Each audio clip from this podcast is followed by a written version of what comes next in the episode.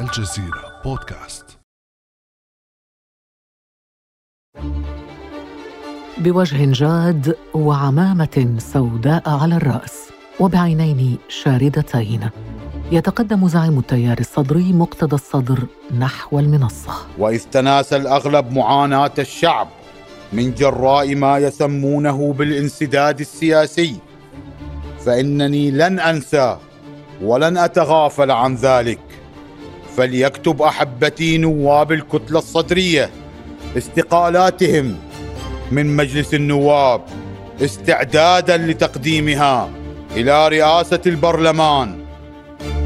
بعد ثمانية أشهر ثقيلة إذن وبدون توافق على رئيس الجمهورية والحكومة ينسحب مقتدى الصدر من المشهد السياسي. بعدما استقال جميع أعضاء كتلته وهي الأكبر في البرلمان استجابة لأوامره فلماذا فشلت انتخابات العام الماضي بإفراز حكومة جديدة للعراق؟ ومن المسؤول عن هذا الانسداد السياسي؟ وإلى أين يسير العراق؟ بعد أمس من الجزيرة بودكاست أنا خديجة بن جنة يسعدني في هذه الحلقة أن أستضيف الدكتور لقاء مكي الباحث الأول بمركز الجزيرة للدراسات. أهلا وسهلا بك دكتور لقاء. مرحبا أستاذ خديجة. دكتور لقاء مكي ما الذي دفع الصدريين أو أعضاء الكتلة الصدرية إلى الاستقالة؟ كما أوضح السيد مقتدى الصدر في كلمته لهم حينما استقبلهم في النجف بعد يومين من استقالتهم أنه انسحب أو طلب منهم ذلك لأنه لا يريد أن يشارك الفاسدين في الحكم أو في السلطة. طبعا هذا تفسير لاحق للاستقالة. لكن قبل ذلك كان هناك شكاوى كثيرة وكما قال السيد الصدر في خطابه الذي دعا فيه الاستقاله أن هناك نوع من خيبة الأمل لدى التيار الصدري ولدى السيد الصدر تحديدا من تعامل أو من الضغوط التي تعرض لها طوال الشهور الماضية من أطراف عديدة في الداخل وفي الخارج كي يقبل بحلول لم يكن يرتضيها. الإشكالية اللي كانت موجودة هي أن الصدر كان يريد تشكيل حكومة أغلبية هو باعتباره فاز بالكتلة الأكبر من 73 مقعد وتحالف مع السنة يعني جبهة التقدم وسميت لاحقا السيادة وأيضا مع الحزب الديمقراطي الكردستاني. وهذه الثلاثة سمي بتحالف إنقاذ وطن. كان يستطيع أن يعني يمتلك الأغلبية الكاملة ولديه القدرة على تشكيل حكومة لكن المحكمة الاتحادية أصدرت قرار منح خصومة ما سمي بالثلث المعطل أي أن انتخاب أو جلسة انتخاب رئيس الجمهورية لا يجوز أن تعقد إلا بحضور الثلثين كحد أدنى وأيضا التصويت بالثلثين وليس هناك جلسة لاحقة يمكن أن تعقد بالأغلبية لو فشل المجلس يعني هذه الفقرة غير موجودة. وبالتالي كان من المستحيل على المجلس أو على الكتلة الغالبة أن تهيئ نسبة الثلثين للحضور فاستخدم هذا ضد فرص المضي بتشكيل الحكومة وما سمي بالإطار التنسيقي اللي هم خصوم الصدر من الشيعة. كان لديهم رغبة معلنة وهي أن تقوم حكومة توافق بمعنى أن الشيعة وحدهم يشكلون الغالبية. صدر ينسحب من السنة والأكراد ويتفق معهم وهم يختارون رئيس وزراء وحين ذاك يمشي إذا يعني. حتى نفهم المشكلة. هو كان يريد حكومة أغلبية وهم الإطار التنسيقي اللي هو خصم مقتدى الصدر كان يريد حكومة توافقية. هذا المعنى العام صحيح. ولكن مقتدى الصدر أراد أن يشكل حكومة أغلبية غير طائفية. بمعنى هو صحيح هو اللي يحدد يحدد رئيس الوزراء وهو رئيس الوزراء الشيعي.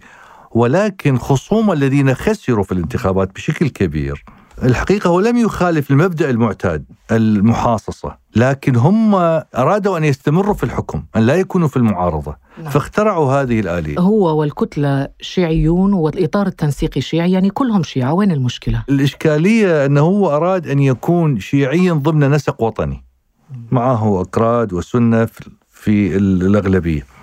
الخصوم الشيعة أرادوا أن يكونوا هم المسيطرين على السلطة كما جرت الأمور منذ عام 2003 وأن يعطوا ما يشاءون للآخرين هذا كان هو الذي يريدونه لأن الصدر جاء بمفهوم مختلف وهذا كان جديد على طيب إذا هو يسمي. نفسه شيعي وطني البقية ماذا يكونون؟ هم أيضا طبعا يدعون ذلك ولكنهم يقولون أنه هذا الآن ليس وقت الكلام عن الإطار الوطني ولأنه يجب أن يعني أقصد إنه يجب أن ننتهي من قصة المحاصصة، الآن يجب أن نهتم بالتوافق لأنه الوضع خطير وسيء. هذه أول مرة تحدث هذه المشكلة؟ هذه أول مرة تحصل، دوما كان يجري توافق. أعتقد أن السبب الأساسي اللي غير منظور ربما هو غياب القوة المهيمنة على الخارجية المهيمنة على الأطراف الداخلية وأتحدث هنا عن إيران تحديدا آخر انتخابات جرت 2018 كان قاسم سليماني هو المسيطر على الأطراف الشيعية كاملة كي تتخذ قرار بترشيح فلان عادل عبد المهدي لرئاسة كان الحكومة يسيطر على الجميع بمن الج- فيهم مقتدى الصدر؟ على الجميع. ومقتدى الصدر ما كان عنده هاي الغالبية على كل حال كان عنده 40 مقعد. الآن الآن في هذه الأزمة قاآني اللي هو خليفة سليماني في فيلق القدس حاول مرتين يقابل مقتدى ورفض يقابله. رفض. راح للنجف إلى أن إذا يمكن أن نقول أن مقتدى الصدر خرج عن الوصاية الإيرانية. يعني هذا الظاهر كذلك. نعم لم يكن مطيعا أو على الأقل قابلا للتكيف مع الرغبات الإيرانية. يعني هكذا كانت تدار الأمور من قبل. يعني هذه هذا كله معروف. يعني سائق سليماني كان يتحكم بالمشهد الشيعي على الأقل وحتى بالمناسبة في أوساط السنة والأكراد لديه نفوذ. في البداية دكتور لقاء مكي قلت أنه مقتدى الصدر قال أنا لا أريد أن أشارك في حكومة فيها فاسدون من هم الفاسدون؟ هذا كلام مهم، طبعا الفساد في العراق نمطي. يعني هو ليس مقتصر على فئة دون أخرى أو طائفة دون أخرى وليس آه، حقيقة استثنائيا. الاستثناء هو العكس هذا سوء الحظ حتى بالتقارير الدولية. الفساد في العراق مستشري بشكل منهجي ومؤسسي. الفاسدون بالحقيقة هم الحكام السابقون لكن المحللين دوما يذهبون إلى الخصم التقليدي للصدر وهو نور المالكي. نور المالكي وهو زعيم حزب الدعوة وما يسمى بالدولة القانون وهو حصل على عدد جيد من الأصوات يعني أكثر من 30 مقعد. حكم دورتين انتخابية 2008 إلى 2014 وخلال 2006 إلى 2014 عفوا وطالته شبهات فساد كبيرة. طبعا خصوصا بالولاية الثانية يعني نور المالكي خلال عهده كان أسعار النفط مرتفعة دخلت ميزانية العراق 100 مليار دولار ولم آه، يظهر أي شيء من علامات الصحة والعافية على الاقتصاد العراقي ولا على العمران أو على الإنسان. وفي عهده سقطت الموصل وصعدت داعش يعني هو كان قائد عام يعني أمام أنظاره سقطت الموصل وتكريت وكل هذه الجرائم حصلت.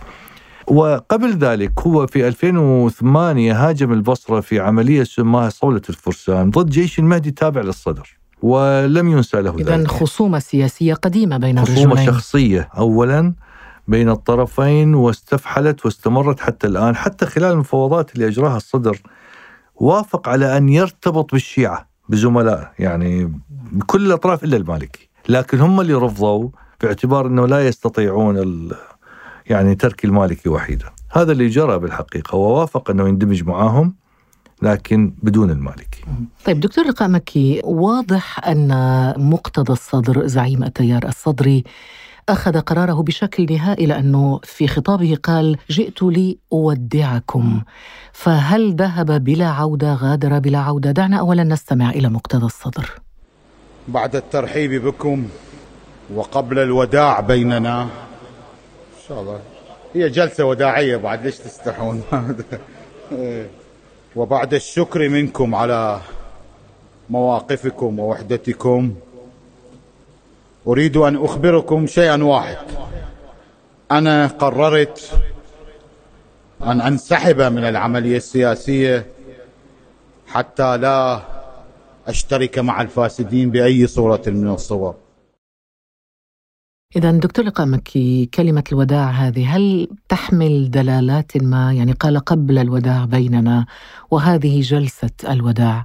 هل سيغادر تماما؟ ينسحب تماما؟ أم هي مناورة؟ هل هو تكتيك سياسي؟ هو بالحقيقة آه، لا أحد يعرف ماذا في عقل الصدر إلا الصدر. طبعا والله سبحانه وتعالى قبل ذلك. ليس لديه مؤسسة يعني أو مكتب أو جهاز سياسي ليكون مشرف على سلوكه أو قراراته أو يتخذ قراراته بموجب مشورة. يعني لديه ربما مستشارين معروف. الصدر كما أعلن يعني الأنباء الحقيقة ليست رسمية أنه ذهب للحج. ويعني ولكن بعد الحج سيعود للعراق أم يذهب إلى مكان آخر.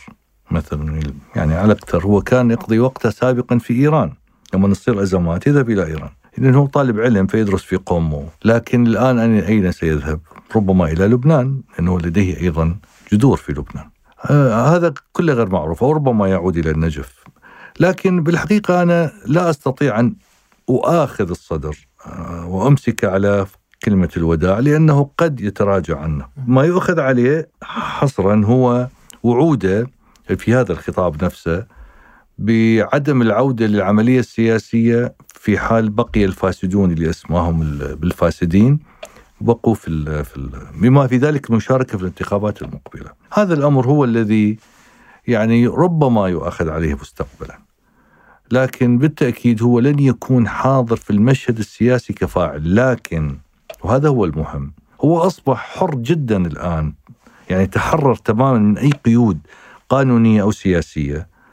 تمنع من استخدام قدرته الشعبية الضخمة. هو لديه قدرة على التحشيد غير موجودة في أي سياسي عراقي. طيب هذه من البدائل ربما سنتحدث فيما بعد. إن كان سيستعمل الشارع ويحشد ويهيج وكما حدث من قبل لكن ما زلنا في إطار أو بصدد الحديث عن هذه الحكومة المعطلة. الآن انسحاب التيار الصدري دكتور لقاء مكي هل يشكل فرصة الآن للإطار التنسيقي لتشكيل حكومة؟ ولماذا لم يفعل ذلك حتى الآن؟ هو طبعا أولا آه، يجب أن يجتمع البرلمان يوم 9 تموز.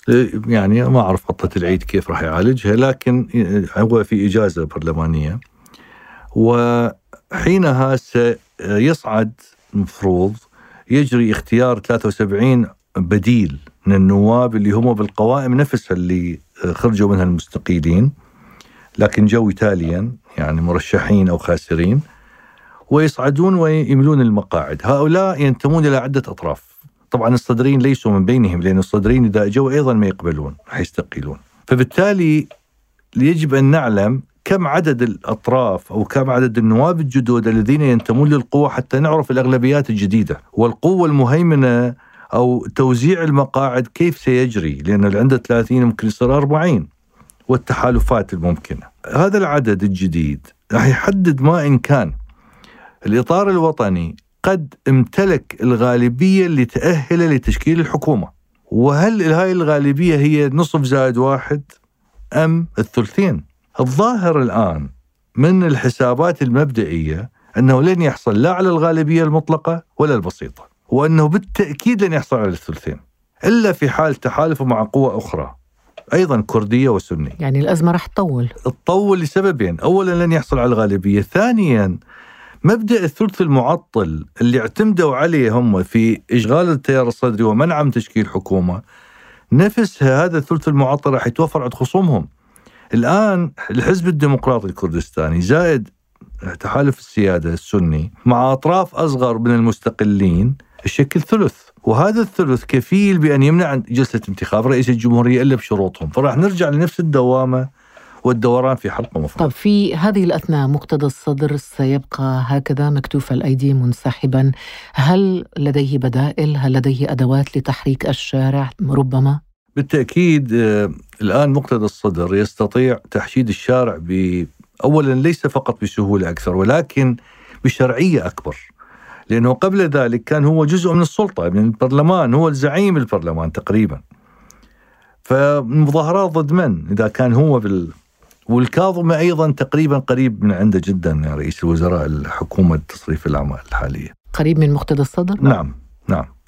يعني هكذا ينظر له، صحيح يحاول أن يقدم نفسه الكاظمي ك على مسافة واحدة من كل الأطراف، لكن في واقع الأمر يتهم بأنه ينفذ إملاءات الصدر لا سيما في التعيينات آه، في دوائر الدولة ولا سيما الأمنية حتى اتهم الصدر بأنه يحاول أن يعيد تشكيل الدولة العميقة من خلال الكاظمي. بما أنك دكتور جئت على سيرة رئيس الحكومة مصطفى الكاظمي دعنا نستمع إلى الكاظمي وهو يتحدث عن هذه الأزمات التي تواجه العراق.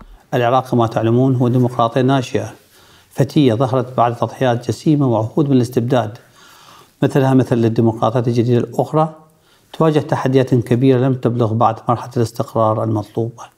لقد أوكلت حكومتي اهتماما خاصا العمل على استجابة لمطالب المواطنين العراقيين ووضع خارطة طريق لانتشال البلد من الأزمة السياسية التي دخلها نتيجة اخفاقات سياسية انعكست على الثقة ثقة الناس بالنظام السياسي. بالإضافة إلى تنامي سلطة جماعات خارج عن القانون وتفشي الفساد. فلا يمكن لديمقراطية حقيقية تترسخ بوجود هكذا مظاهر. إذا تحدث عن الفساد عن ميليشيات مسلحة ولكن تحدث أيضا عن خارطة طريق أي خارطة طريق يمكن أن تنقذ العراق برأيك؟ هو بالحقيقة ليس هناك خارطة طريق حاليا لأن هناك انقسام واسع وهناك أيضا خلاف إقليمي ودولي حول العراق يعني خلينا نكون واقعيين قبل 2014 و15 أو حتى قبل 2018 بالحقيقة قبل مجيء ترامب كان إيران والولايات المتحدة متفاهمان حول العراق بطريقة تجعل انسيابية بشكل ما وحتى ضغوط وإجبار. لكن بعد ذلك صار التنافر بدأت التقاطعات العميقة. الآن إحنا أيضا في خضم أزمة إقليمية ودولية بالحقيقة. في صراعات وهذا ينسحب على العراق. لذلك ليس هناك حرب أوكرانيا؟ آه، هو واحد من تداعيات طبعا حرب أوكرانيا بالتأكيد لكن في الإقليم هناك تنافر عربي إيراني بشكل واسع النطاق. هذا ليس جديدا. هذا ليس جديدا ولكن الجديد هو أن الولايات المتحدة دخلت أيضا كطرف في هذه الأزمة بشكل أو بآخر من خلال علاقتها بإسرائيل من جانب وعلاقتها بحلفائها العرب ومجيء بايدن قريبا للمنطقة جزء من هذا السياق. وهي أيضا على الآن الاتفاق النووي يعني في مرحلة نزاع مع نفسه يعني هل يستمر أو ينتهي؟ يعني العلاقة الأمريكية الإيرانية ليست في أحسن صورة بالتأكيد. وما جرى سابقا لم يتكرر بعد حتى مجيء بايدن يعني في عهد ترامب بالتأكيد كان فاشل خصوصا بعد مقتل سليماني. لكن في كل الحالات العراق أو السياسيين العراقيين لم يضعوا لأنفسهم خارطة الطريق آه، وحتى الدستور المهل الدستورية لم ينفذوها بشكل صحيح. فليس هناك اتفاق وليس هناك حتى قدرة على عقد حوار وطني بينهم حول مائدة مستديرة لمناقشة ما جرى ويجري. حتى الشيعة الإطار الوطني حينما استقال الصدريون لم يدعوهم للعودة مثلا. لا شكرا ونقدر لكم ذلك وسنقوم بتشكيل حكومة خدمة وطنية. بمعنى أنه كانه استغلوها كفرصة سانحة، يعني اعتبروها فرصة للقفز إلى البرلمان من خلال المقاعد الشاغرة الجديدة والتشكيل الحكومة. وزيادة أسعار النفط الحالية جعلت الجميع يحلم بالسلطة. لأن هذه السلطة ستكون مجدية. ثروات، العراق أصبح غني جدا وبالتالي تعويض خسائرهم وتعويض الأموال اللي صرفوها على الحملات الانتخابية وإغناء حسابهم من جديد. هذه إشكالية إذا المستجدات الإقليمية والدولية ليست في صالح العراق بالعراقيين هم أصلا يعني السياسيين ليسوا في صالح أنفسهم وبالتأكيد هذه المستجدات أضافت الكثير إلى إلى هذه السلبية والعدم القدرة على تحريك الأمور بشكل صحيح. متشائما دكتور. يعني لسوء الحظ المنطقة كلها على أعتاب مشاكل وتبدلات كبيرة. سيولة تشمل الجميع، العراق وسيوله الحقيقة. شكرا جزيلا لك دكتور لقاء مكي الباحث الأول مركز الجزيرة للدراسات. شكرا جزيلا. كان هذا بعد أمس.